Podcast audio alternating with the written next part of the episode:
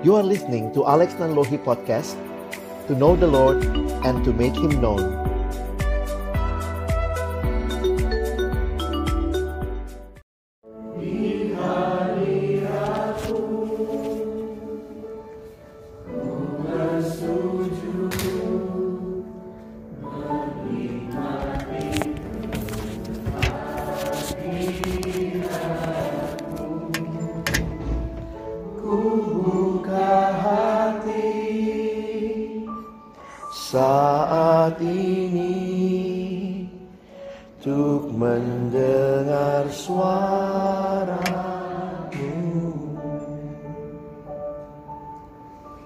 Tenangkanlah segala suara di hati kami Supaya kami boleh mendengar suaramu ya Tuhan Tolonglah kami agar kami yang berkumpul hari ini Bukan hanya sebuah rutinitas Bukan hanya karena kami tidak pergi ke mana-mana, tapi lebih dalam lagi kami mau mengenal Tuhan.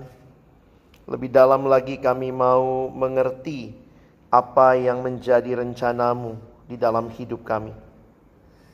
Berkati hambamu yang menyampaikan firman, setiap kami yang mendengarkan firman Tuhan tolonglah kami semua, agar kami bukan hanya menjadi pendengar-pendengar firman yang setia, tapi mampukan dengan kuasa dari rohmu yang kudus, kami dimampukan menjadi pelaku-pelaku firman-Mu di dalam hidup kami, di dalam masa muda kami.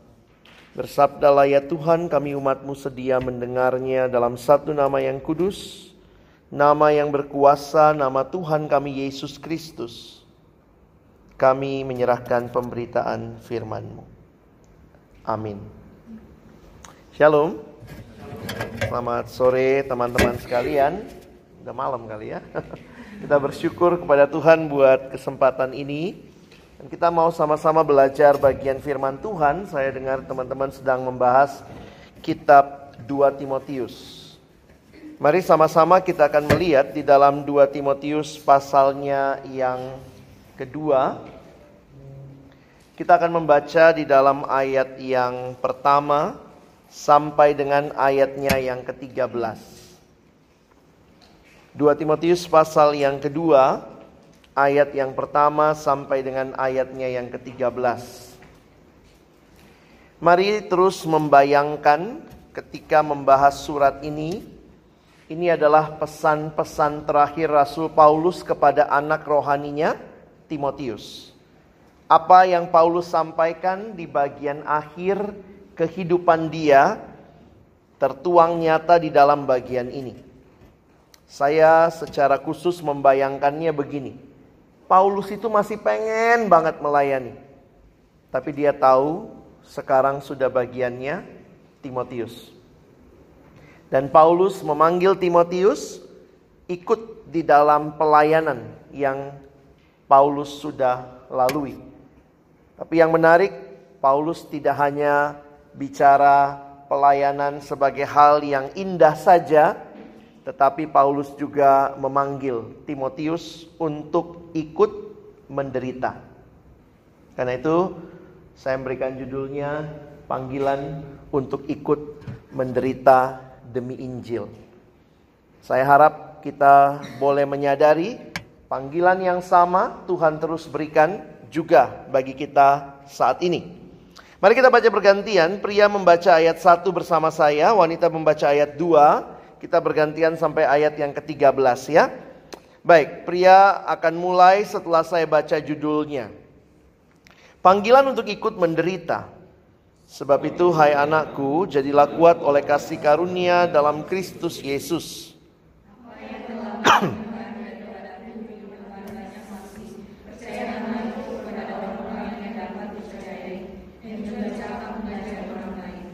Ikutlah menderita sebagai seorang prajurit yang baik dari Kristus Yesus.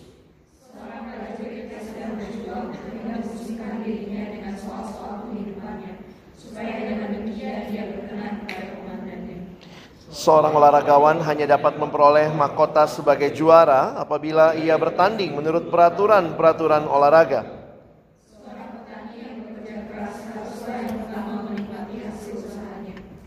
Perhatikanlah apa yang kukatakan, Tuhan akan memberi kepadamu pengertian dalam segala sesuatu.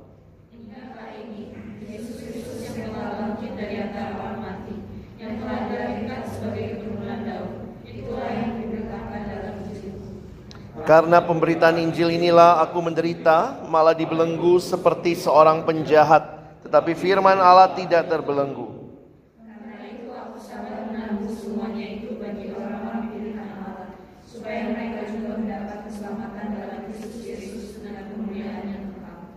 Benarlah perkataan ini, jika kita mati dengan dia, kita pun akan hidup dengan dia.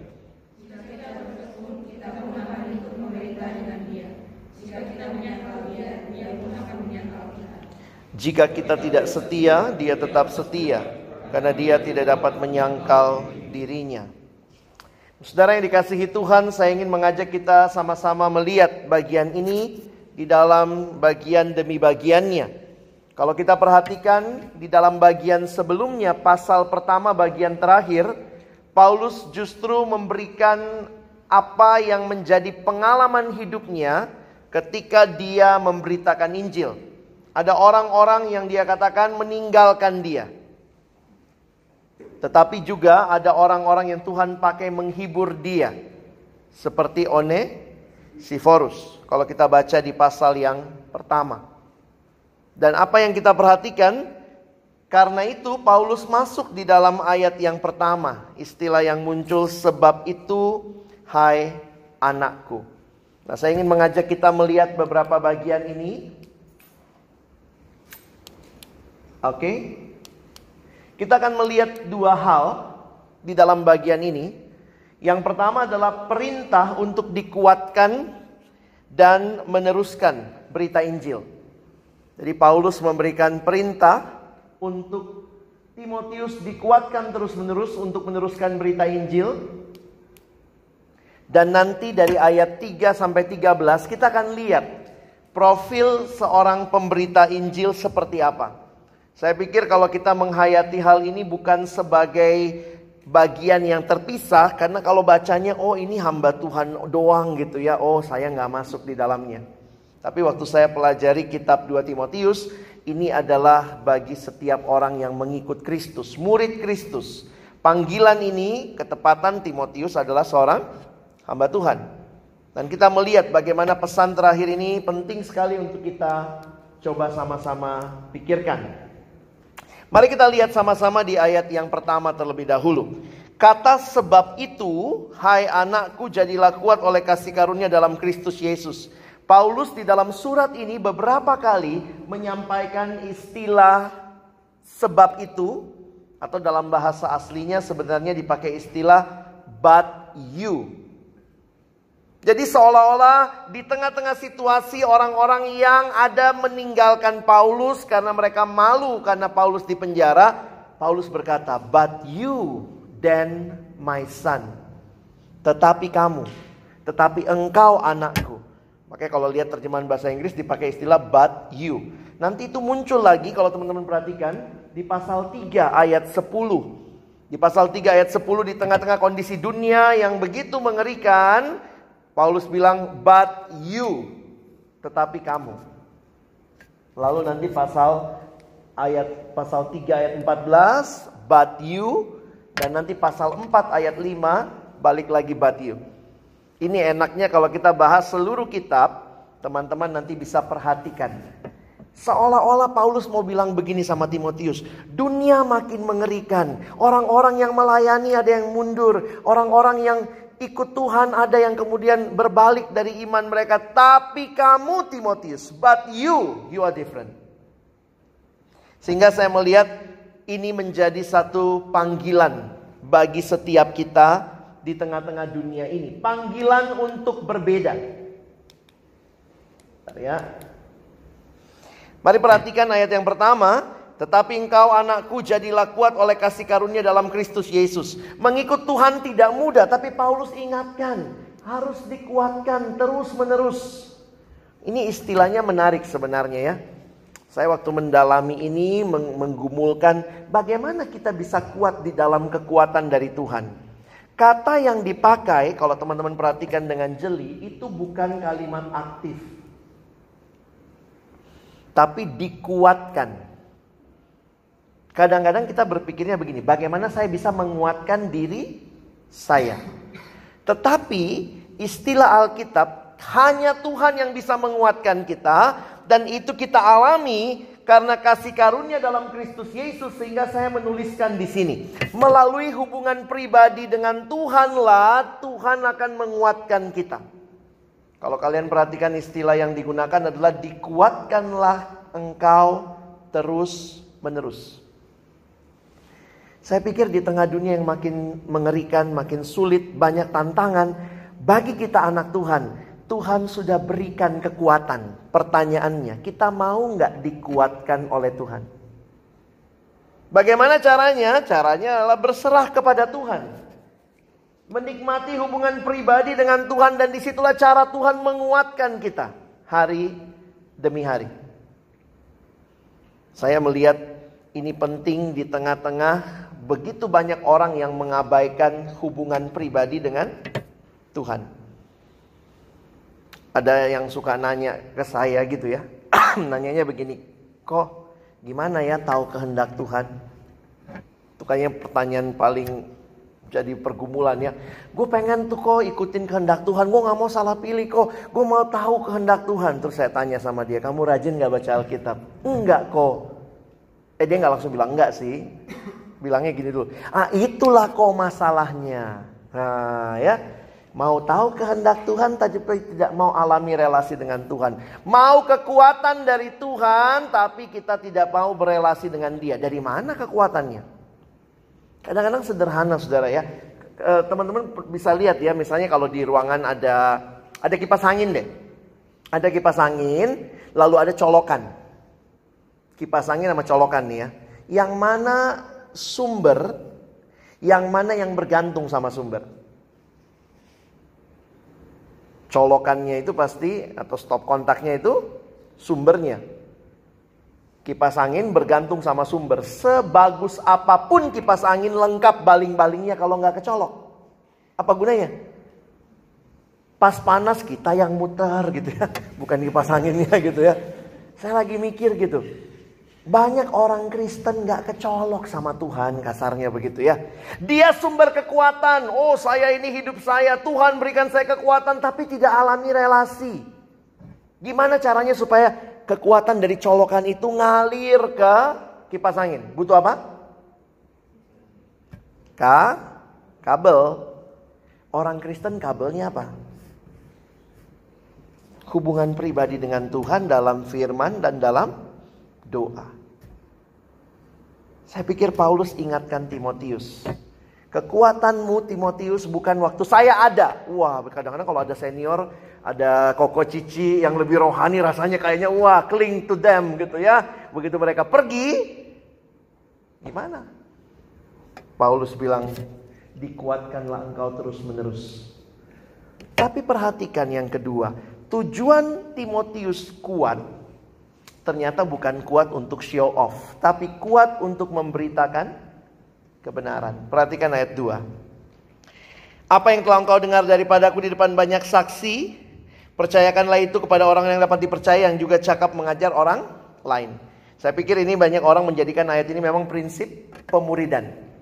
Di benak Paulus yang ada di hadapannya bukan cuma Timotius, tapi dia memikirkan adalah Paulus, Timotius, Orang yang dapat dipercaya, yang juga cakap mengajar orang lain.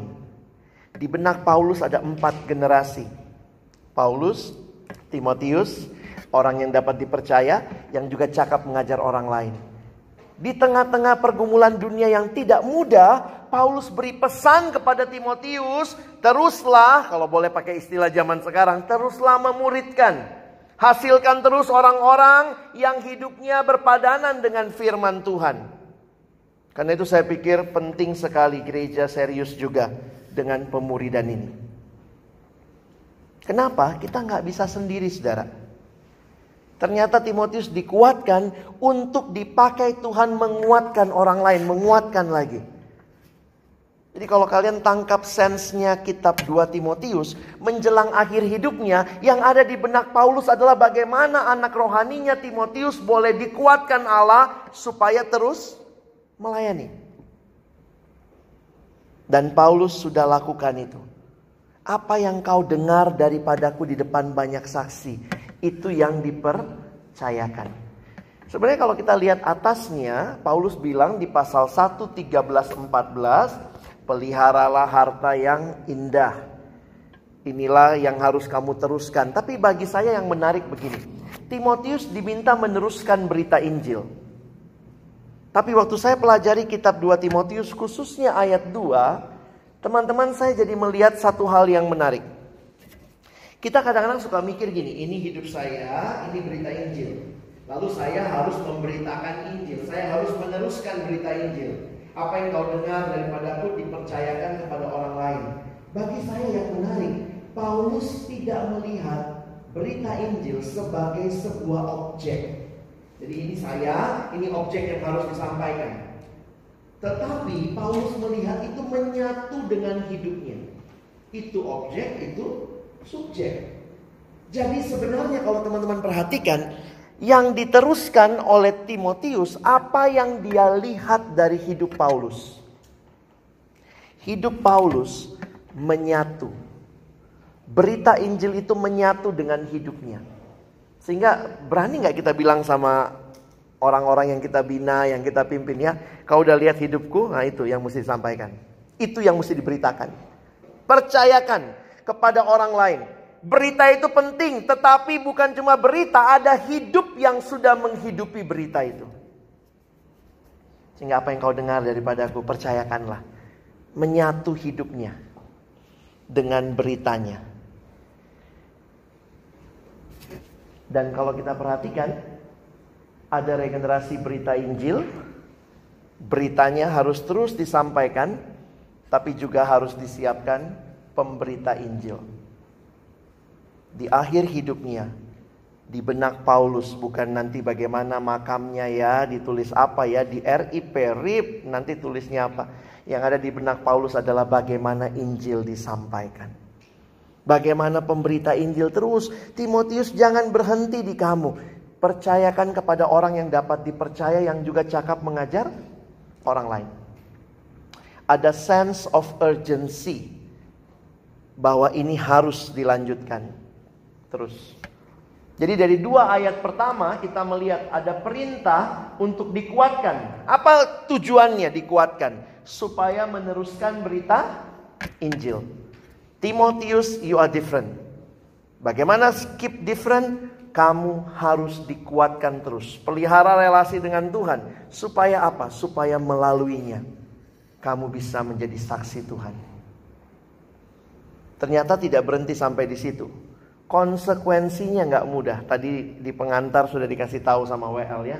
Kita lihat sekarang profil profil dari pelayan Injil. Kira-kira orang yang men, yang hidupnya menghidupi Injil, menyampaikan berita Injil itu, tadi kita banyak bicara soal harga yang harus dibayar. Perhatikan ayat 3. Kata yang dipakai ikutlah menderita. Jadi muncul perintah ini ya ikutlah menderita sehingga semua gambaran sampai di bawah sebenarnya itu gambaran penderitaan. Teman-teman ternyata hidup benar, hidup jujur nggak gampang. Pergumulan kita sering kali dihadapkan dengan tantangan-tantangan dari luar diri kita. Ada juga dari dalam diri kita. Paulus ingatkan Timotius, ikutlah menderita. Masih ingat pasal 1? Ada orang-orang yang malu karena Paulus masuk penjara. Karena itu Paulus bilang sama Timotius di pasal 1. Jangan malu. Sekarang lebih jauh lagi. Ikutlah menderita. Wah ini kalau baca sampai pasal 4 indah sekali. Di pasal 4 juga Paulus berkata, aku telah mengakhiri pertandingan. Paulus tidak cuma bilang, ayo ikut aku. Uh, aku off dulu ya. Enggak, Paulus bilang ikut aku. Di akhir pasal 4 dia katakan, aku telah mengakhiri pertandingan yang baik. Saudara yang dikasihi Tuhan, kadang-kadang saya nggak terlalu setuju sebenarnya dengan istilah harga yang harus dibayar. Walaupun saya juga sering pakai kata itu. Kenapa? Kalau harga yang harus dibayar, kayaknya Tuhan ngutang sama kita. Lalu kemudian kita bayar harga, lalu kayaknya Tuhan mesti puji kita. Tuh, hambaku tuh, hebat ya. Saya pikir misalnya gini, kalau saya beli benda ini. Begitu saya beli benda ini, benda ini punya siapa? Punya yang beli. Maka benda ini kalau melakukan sesuatu, dia bayar harga nggak sama saya? Bukan masalah bayar harga, udah sepantasnya. Kadang-kadang memang kalau kita bicara bayar harga, kesannya uh, Tuhan juga mesti say thank you lah sama gua dikit gitu ya. I've done my part. Tapi kalau kita perhatikan, it's all His. Semuanya milik Tuhan kok. Kalau saya melakukan sesuatu kepada yang bukan tuan saya, oke okay lah itu bayar harga. Saya melakukan sesuatu untuk tuan yang telah menebus saya. Sebenarnya semua hidupku miliknya. Makanya kadang-kadang jangan sampai juga kita take credit, take credit gitu ya. Kita jadi sombong dengan mengatakan, "Oh, saya sudah mempersembahkan sesuatu yang berharga sama Tuhan." Panggilan ikut menderita ini panggilan yang Paulus ingatkan ke Timotius dengan tiga metafora. Ada tiga metafora yang dia pakai. Perhatikan yang pertama, metafora itu adalah sebuah seperti perumpamaan ya, seperti gitu ya. Perhatikan di dalam ayat yang ketiga. Ikutlah menderita sebagai seorang prajurit yang baik dari Kristus Yesus. Memang kalau ngajar Salah satu kekuatannya gunakan ilustrasi. Nah, Paulus gunakan ini. Ikut menderita tuh kayak apa sih kalau orang nanya? Aspek-aspeknya apa? Ikut menderita. Pertama, kamu lihat prajurit ikut menderita seperti prajurit. Masalahnya prajurit atau fokusnya prajurit apa? Prajurit itu tidak memusingkan dengan hal-hal penghidupannya. Itu kalimatnya ya. Ayat 4. Seorang prajurit yang sedang berjuang tidak memusingkan dirinya dengan soal-soal penghidupannya dengan, supaya dengan demikian ia berkenan kepada komandannya. Apa yang menarik dari hidup seorang prajurit? Dia taunya cuma perang. Taunya cuma menyenangkan komandannya. Anaknya sakit di rumah, istrinya kemudian mungkin lagi melahirkan. Atau ada pergumulan keluarga. Semua dia set aside. Dia singkirkan dulu. Pokoknya cuma mau menyenangkan komandan. Paulus kasih tahu ke Timotius. Mau ikut menderita? Seperti prajurit yang punya, saya pakai istilah ambisi yang suci. Ambisiku hanya menyenangkan komandanku. No more. Tidak ada lagi. Yaitu menyenangkan dia. Kalau punya hidup kayak gitu hebat ya saudara ya. Kenapa saya bilang itu bukan itu bukan hal yang nggak mungkin sebenarnya karena saya pikir karena Tuhan sudah tebus kita, ayo menderita. Kalau ambisi kita masih diri saya, diri saya, ambisi yang dikuasai dosa, apa-apa semua titiriri, mati-matian untuk diri sendiri. Itulah hidup dalam dosa. Aku yang paling utama, bagaimana nanti lebih ini lagi, aku dapat ini, aku dapat itu. Tapi mari belajar melihat kerajaan Allah apa yang Tuhan mau dalam hidupku? Bagaimana saya mewujudkan kehendaknya? Bagaimana saya bisa melakukan apa yang Tuhan mau? Gambaran kedua, dia pakai gambaran olahragawan. Paulus ini nampaknya anak kota ya, makanya ilustrasi-ilustrasinya agak kota gitu ya. Kalau Tuhan Yesus kan anak desa ya, bunga bakung, burung pipit ya. Kalau Yesus tuh agak, eh, kalau Paulus tuh agak sedikit kota. Mungkin dia juga nonton ya, waktu itu kan udah ada Olimpiade ya. Udah ada olimpiade zaman itu. Paulus kan pasti juga orang terdidik, pinter begitu ya. Makanya dia pakai gambaran seorang olahragawan. Ini bayangannya waktu itu olahragawan atletik ya, lari. Olahragawan, makanya dia pakai gambaran itu. Di kitab Korintus dia bilang seorang petinju. Gile nonton tinju si Paulus berarti di zaman itu ya. Ya memang dia bayangannya, gambarannya tuh banyak ya. Sehingga dia bilang, sama seperti olahragawan, apa yang menarik? Seorang olahragawan hanya dapat memperoleh mahkota sebagai juara apabila ia bertanding menurut peraturan-peraturan olahraga. Kira-kira apa kaitannya sama ikut menderita? Ikut menderita. Seperti olahragawan yang taat peraturan olahraga. Kalau saya tafsirkannya begini ya. Disiplin. Timotius, mau dipakai Tuhan, miliki ambisi yang suci. Itu caramu ikut menderita. Mau dipakai Tuhan, disiplin kayak olahragawan. Taat peraturan. Makanya saya katakan tadi menarik ya. Injil itu bukan hanya objek yang kita sampaikan. At the same time itu subjek yang menguasai hidup kita. Ini bukan cuma saya beritakan, tapi saya pun harus taat kepadanya. Jadi pentingnya disiplin. Mari bangun hidup yang berdisiplin. Hidup yang di dalamnya teman-teman tahu. Disiplin membedakan itu juga penting zaman sekarang ya. Disiplin kalau tahu ini eh, kita katanya paling sulit sekarang membedakan mana keinginan, mana kebutuhan ya. Ini generasi teman-teman kayak gitu ya. Mana kebutuhan, mana keinginan. Handphone baru keinginan atau kebutuhan? kebutuhan gitu ya. Oh lebih jujur siswa ngomongnya. Itu keinginan atau kebutuhan? Ke kebutuhan yang diinginkan. ya tergantung kita bisa bolak-balik ya. Disiplin tuh dengan hal-hal kemarin satu ini ada satu teman kami baru pulang bareng gitu ya. Memang nggak gampang lah disiplin. Lalu rumah saya itu uh, kalau mau cepet beloknya daripada putar balik jauh itu bisa melanggar lawan arus dikit gitu, nanti belok kanan gitu ya. Tapi kemudian uh, ada satu teman yang ikut di mobil karena saya mau mau di drop di rumah saya, saya mau diantar. Terus dia bilang sama teman saya yang nyetir, udahlah ke sana aja, langsung itu padahal baru pulang pendalaman Alkitab. udahlah lewat sana aja, itu dikit kok, paling 50 meter ngelanggarnya. Untungnya yang nyetir itu ketua pemuda kami. Tidak. Putar. Saya bilang, iya juga ya, nggak gampang loh. Disiplin hal-hal kecil kan. Kadang-kadang kita nggak disiplin. Disiplin waktu. Disiplin bangun pagi. Oh kalau teman-teman nggak punya waktu bangun, bahaya loh. Kamu bangun jam berapa ya? Tergantung lihat nanti. Mati dah. Sorry ya, kadang-kadang saya mikir gini. Sesuatu itu harus dibangun dengan kebiasaan. Di tengah dunia makin bobrok seperti ini, kita makin disiplin nggak baca Alkitab. Kita makin disiplin nggak berdoa, kita makin disiplin nggak bersekutu. Jangan-jangan kita bisa hanyut dengan segala hal karena kita melupakan disiplin. Jadi memang penderitaannya tidak selamanya mati buat Tuhan ya, no. Walaupun nanti di pasal 4 Paulus bilang, aku darahku sudah mulai dicurahkan. Tapi Paulus panggil Timotius kan nggak langsung. Timotius matilah kau. Ya Paulus mati, Timotius mati, siapa yang lanjut ya?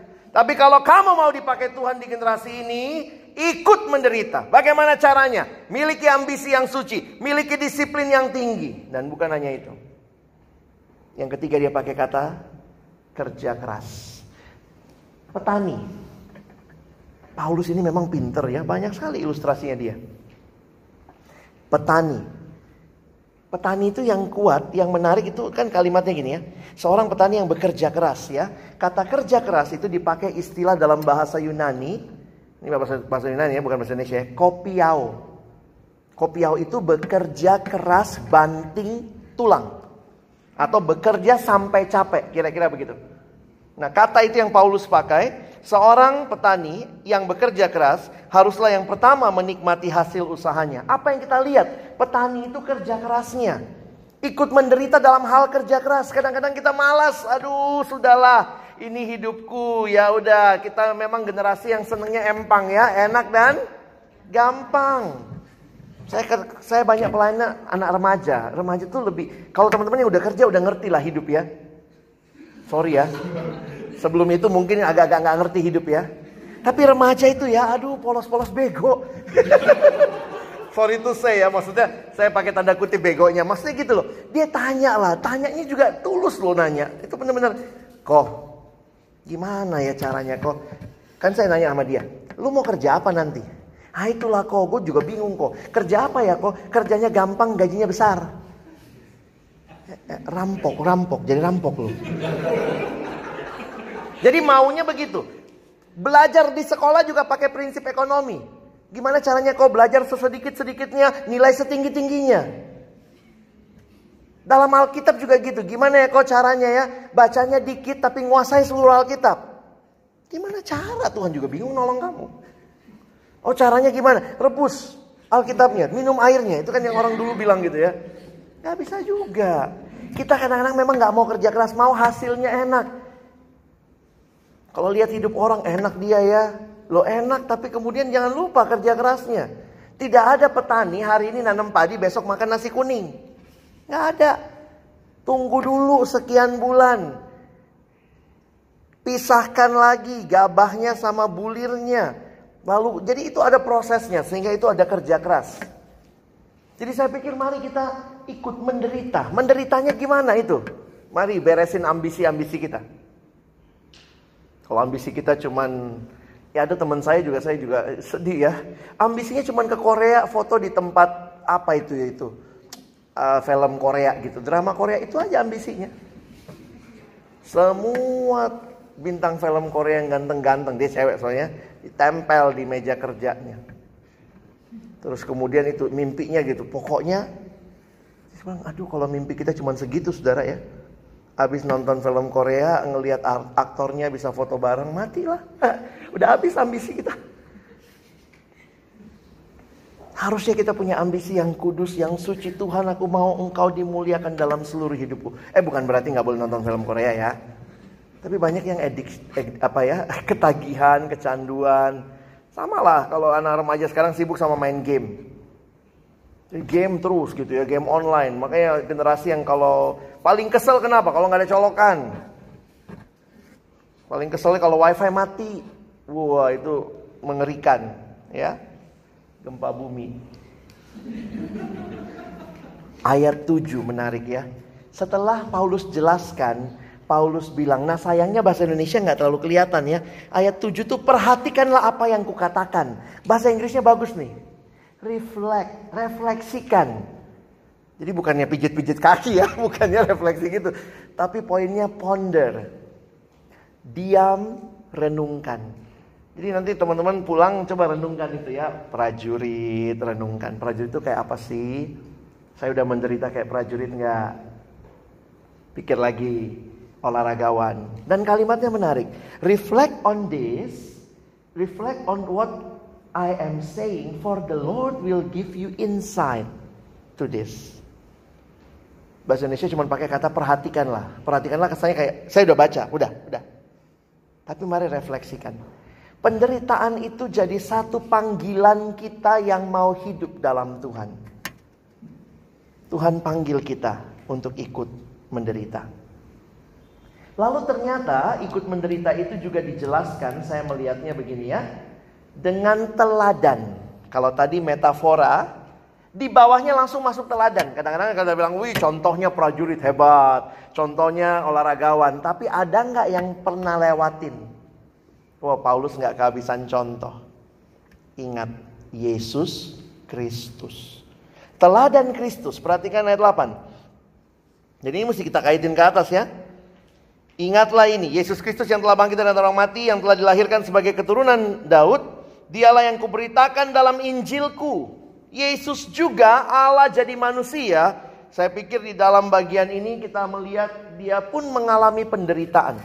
Bahkan dia mati sebagai manusia dia dihukum atau dia turun menjadi hamba kalau lihat kalimatnya dalam kitab Filipi dan itu menjadi hal penting nih, teladan penderitaan Kristus. Yuk ikut menderita, karena Kristus pun menderita.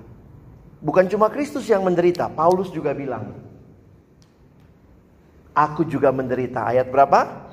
10 dan 9 dan 10. Perhatikan ada kata menderita. Karena pemberitaan Injil inilah aku menderita malah dibelenggu seperti seorang penjahat tapi firman Allah tidak terbe, tidak terbelenggu. Karena itu aku sabar menanggung semuanya itu bagi orang-orang pilihan Allah supaya mereka juga mendapat keselamatan dalam Kristus Yesus dengan kemuliaan yang kekal. Dia ingatkan, aku pun menderita. Tidak berhenti sampai di situ. ayat 11 sampai 13 diyakini sebagai lagu syair yang nampaknya biasa dinyanyikan orang pada waktu itu. Beberapa penafsir mengatakan Paulus meminjam syair ini. Lalu apa isinya syair itu? Ayat 11 sampai ayat 13 itu ternyata adalah teladan penderitaan orang Kristen sepanjang masa. Makanya coba kita baca ayatnya. Jika kita mati dengan dia, kita pun akan hidup dengan dia. Jika kita bertekun, kita akan kita pun akan ikut memerintah dengan dia. Jika kita menyangkal dia, dia pun akan menyangkal kita. Jika kita tidak setia, dia tetap setia karena dia tidak dapat menyangkal dirinya. Semua ini digambarkan sampai kalau kita ikut dia, kalau dia mati, kita pun ikut mati. Itu menggambarkan penderitaan yang dialami orang Kristen di berbagai tempat. Jadi kalau teman-teman perhatikan, Paulus menulis suratnya sangat indah. Ayo terus dikuatkan, teruskan berita Injil. Seperti apa kamu harus memberitakan itu? Lewat hidupmu, lewat perkataanmu, ikutlah menderita. Seperti apa? Kasih tiga metafora. Prajurit, olahragawan, petani. Ada nggak contoh hidupnya? Ada. Lihat Yesus. Oh Yesus terlalu tinggi. Oke deh, lihat gua. Lah, lu kan rasul. Lihat semua orang Kristen sampai bikin lagu. Jadi kesannya Paulus mau bilang apa? Kalau kalian jadi Timotius, lalu sudah dikasih contoh begitu banyak. Ini tiga metafora, tiga teladan, bakal ikut menderita apa enggak? Kalau saya Paulus, yuk ikut menderita. Seperti ini, ini, ini. Kurang ya? Nih pakai contoh, ini, ini, ini. Yuk. Kalau nolak tuh kebangetan ya. Saya pikir pasti penderitaan itu tidak mudah. Tidak ada penderitaan yang mudah, apalagi enak. Enggak. Tapi karena Paulus tahu penting sekali, dia sampai memberikan penjelasan pasal 2, separuh pasalnya hanya menjelaskan ikutlah menderita.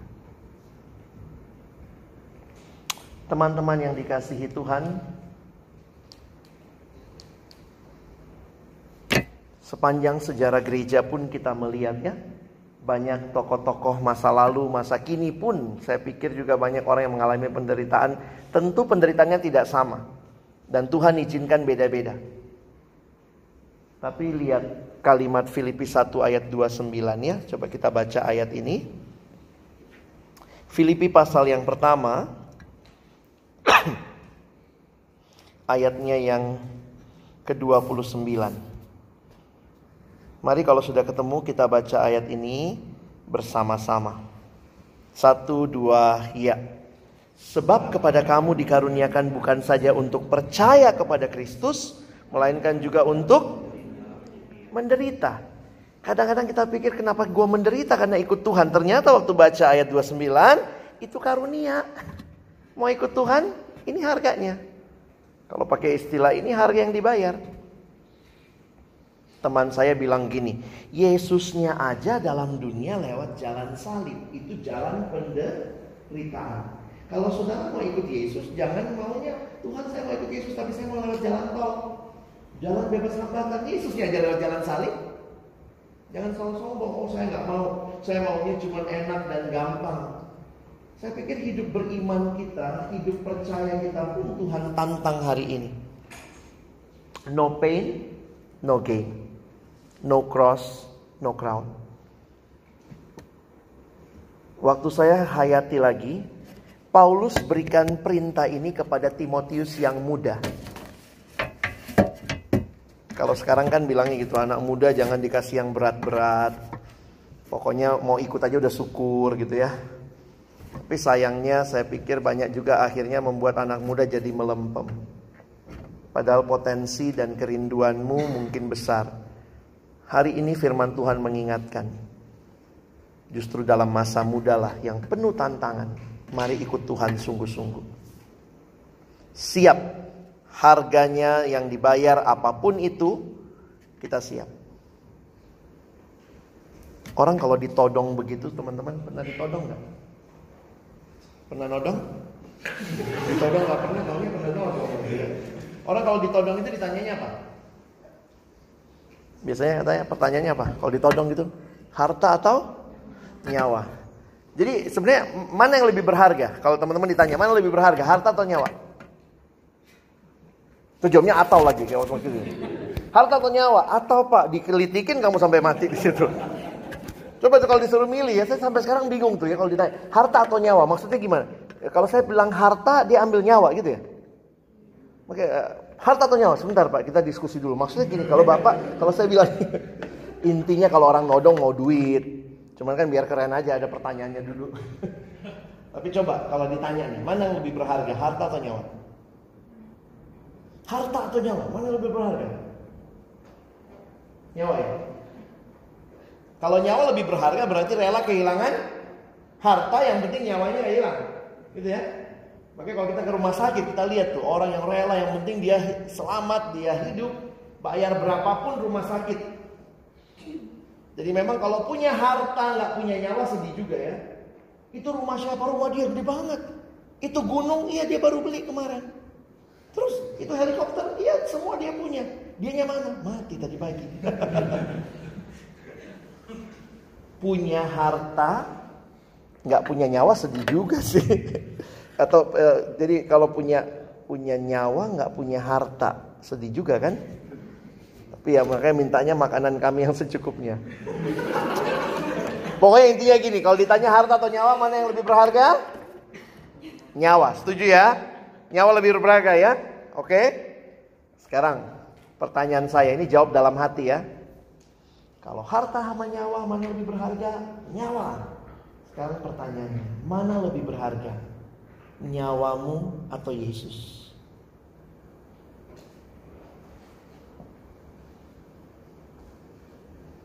Kalau kamu bilang Yesus, berarti untuk Yesus kamu rela serahkan nyawamu.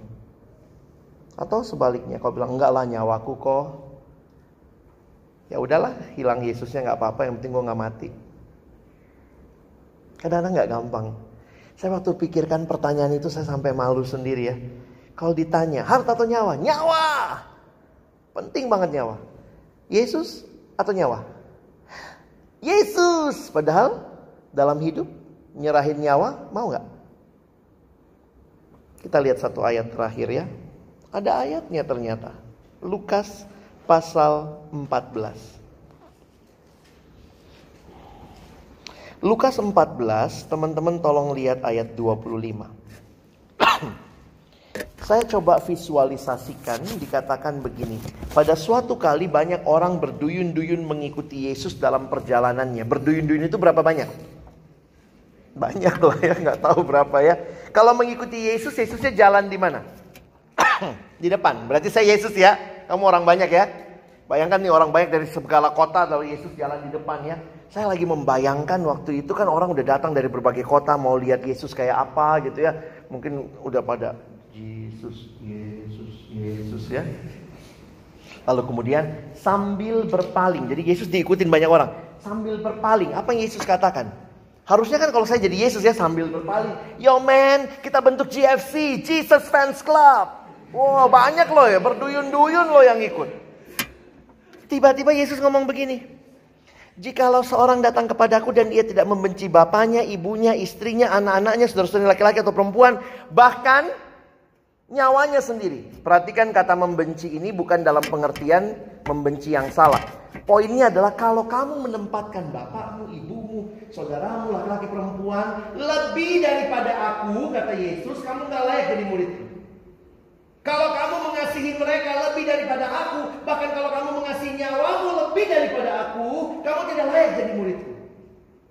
Saya kaget waktu pertama kali lihat ayat ini. Yesus lagi perekrutan ISIS. Mau ikut? Mau ikut? Nyawamu punyaku. Aku mesti lebih hebat dari nyawamu. Tapi waktu saya lihat begini, hebat banget. Dia mau menempatkan dirinya lebih dari bahkan nyawa kita yang kita anggap sangat berharga. Kenapa? Karena dia lebih berharga. Kalau kita sungguh mengasihi dia, kita pun rela menyerahkan nyawa kita. Yang penting dia senang. Kenapa dia bisa minta nyawa kita? Karena dia sudah kasih seluruh hidupnya buat kita. Saya lagi mikir ya, kalau saya ikut di belakang, Yesus, Yesus, Yesus ngomong, mau ikut. Cintai aku lebih dari nyawamu. Kira-kira teman-teman kalau di belakangnya terus ikut atau pulang? Itu Tuhan, sorry, mendung, jemuran, jemuran pulang. Saya lagi berpikir setelah berduyun-duyun dan Yesus balik kira-kira tinggal berapa ya? Di Yohanes 6 sampai Yesus tanya sama muridnya, kamu nggak mau pergi juga? Gila ya? Diikuti orang banyak bukannya syukur, ayo ayo, udah udah, enak-enak aja yuk yuk. Kumpul-kumpul. Ini kalau caleg banyak banget suaranya Yesus ya. Tapi Yesus bilang gini, mau ngasih suara buat aku. Betul, aku lebih penting dari suaramu. Yesus tidak cuma senang diikuti orang banyak. Dia tidak cari fans, dia cari murid yang mau ikut dia. Teladan Timotius yang disurati Paulus. Ikutlah menderita. Ini kan surat pribadi teman-teman ya. Kenapa jadi surat buat kita baca sekarang? Saya pikir karena itu panggilan bukan cuma buat Timotius. Panggilan yang sama Bayangkan kalau surat pribadimu jadi surat yang dibaca di semua jemaat ya. Itu kan surat pribadi Paulus sama Timotius. Makanya bahasanya tuh mesra banget. Hai anakku. Kita bingung, ini bukannya Paulus nggak merit. Ya iya, tapi ini kan anak rohani. Hai anakku. Pertanyaannya bagi kita. Kalau Tuhan memanggil engkau sekarang ikut menderita. Maukah engkau serahkan segalanya? Saya putarkan satu video klip terakhir. Ini tentang seorang pendeta hamba Tuhan di Korea pada masa pendudukan Jepang dan dia harus dipaksa me, waktu itu mereka harus menghormat ke bendera itu sebagai tanda mereka menyembah dewa matahari bendera Jepang ya. Dia nolak kita lihat videonya.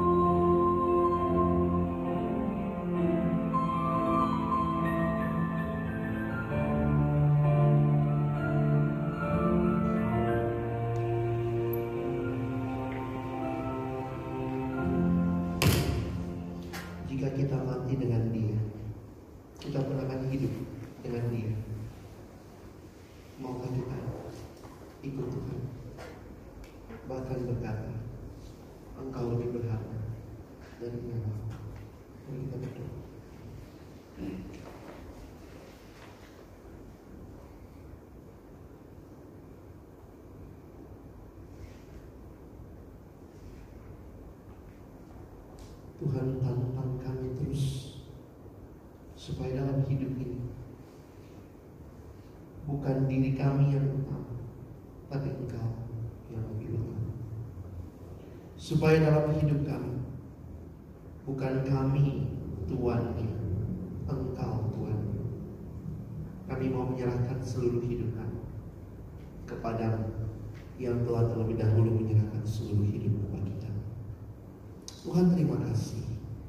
Surat Paulus bagi Timotius juga diberikan kepada kami untuk kami mengingat panggilan kami untuk ikut menderita.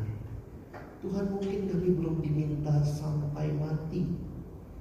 Kami hanya diminta tinggalkan ambisi-ambisi kami yang tidak kudus. Mungkin yang Tuhan minta dari kami adalah tingkatkan disiplin kami Tuhan. Tuhan belum minta kami sampai mati. Yang mungkin engkau minta adalah kerja keras kami, bukan malas-malasan. Mentolong kami belajar memberi yang terbaik dari hidup kami kepadamu. Terima kasih Tuhan. Sekali lagi tolong kami. Bukan cuma jadi pendengar firman. Jadikan kami pelaku-pelaku firman. Dalam nama Yesus kami berdoa. Amin.